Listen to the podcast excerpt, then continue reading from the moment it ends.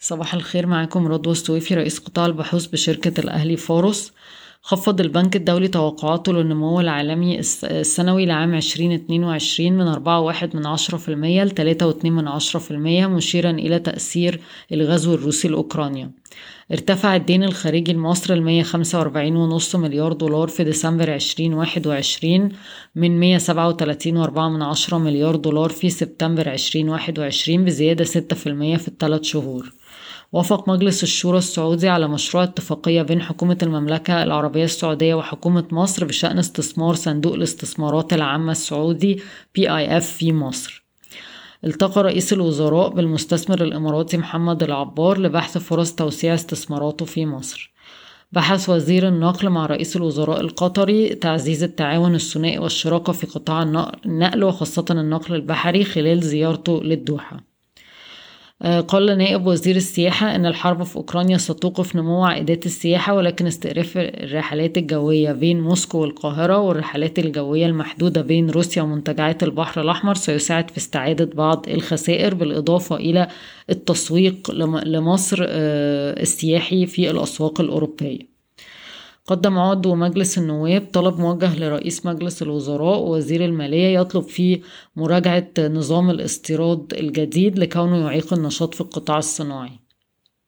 أعلنت شركة ابتكار اللي هي شركة مشتركة بين B Investments و MTI إن فودافون اشترت حصة قدرها تسعة وتسعة وتسعين من مية في المية في Bee ومصاري وبالتالي بلغت حصة ابتكار تسعين في المية في Bee وتلاتة وستين وستة من عشرة في المية في مصاري وحصة MTI في ابتكار تقريبا حوالي أربعين ونص في المية.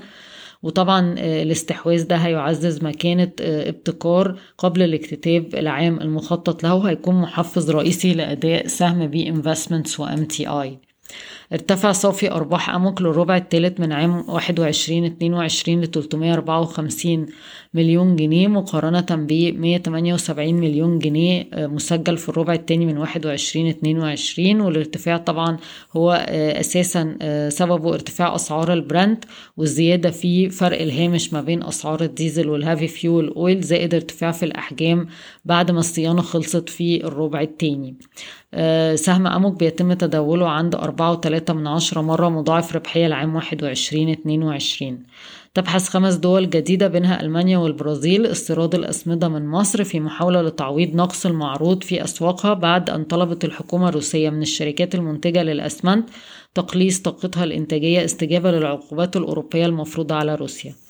وراسكم للفنادق الجمعية وافقت على منح عقود إنشاءات بقيمة 2.5 مليار جنيه مصري لشركة البحر الأحمر للتشييد لإنشاء مشروعات خلال عام 2022 القاهرة للاستثمار أعلنت أنها أطلقت ثلاث مدارس جديدة في بداية العام الدراسي الحالي وهتطلق ثلاث مدارس تانية في آه، العام الدراسي القادم اللي هو سبتمبر 2022 وبسبتمبر 24 هتضيف كمان مدرسة جديدة في أسيوط وبالتالي هيبقوا إجمالا ست مدارس في خلال عامين. السهم بيتم تداوله عند مضاعف ربحية تقريبا 20 مرة العام 21 22 موزعي السيارات وتجار السيارات بتحاول تتخلص من المخزون قبل الموعد النهائي اللي حدده الجهاز اللي حدده جهاز حماية المستهلك للالتزام بسعر البيع المعلن من قبل المجمعين والمستوردين قبل يوم 7 مايو.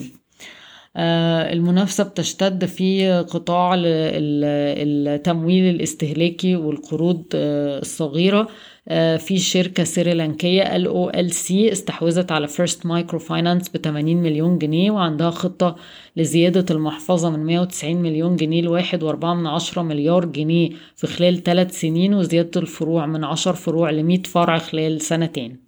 آه، النهارده التلات بفكركم سريعا بأسعار السلع العالمية. برنت عند 113 دولار للبرميل. آه، مؤشر اليوريا في مصر لسه عند 1130 دولار البولي إيثيلين لسه عند 1550 دولار الفرق بين الديزل وال heavy fuel oil ارتفع 26% في أسبوع ل 562 دولار.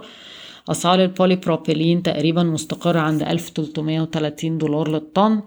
الفرق بين أسعار الحديد وخام الحديد تقريبا مستقرة نزلت واحد في المية في أسبوع لستمية اتنين وعشرين دولار للطن. أسعار الألمونيوم نزلت تلاتة في المية في أسبوع لتلات آلاف ميتين ستة وتمانين دولار للطن. أسعار الأسمنت في مصر مع الأسف انخفض لألف وتلتمية ألف تلتمية وخمسين جنيه مصري للطن. بالرغم من ارتفاع أسعار الفحم الحراري ستة في المية في أسبوع لتلتمية وتسعة دولار للطن وطبعا بفكركم إن ده سيء جدا لهوامش مصنعي الأسمنت. ارتفعت أسعار القمح في أسبوع خمسة ونص في المية. بشكركم يوم سعيد.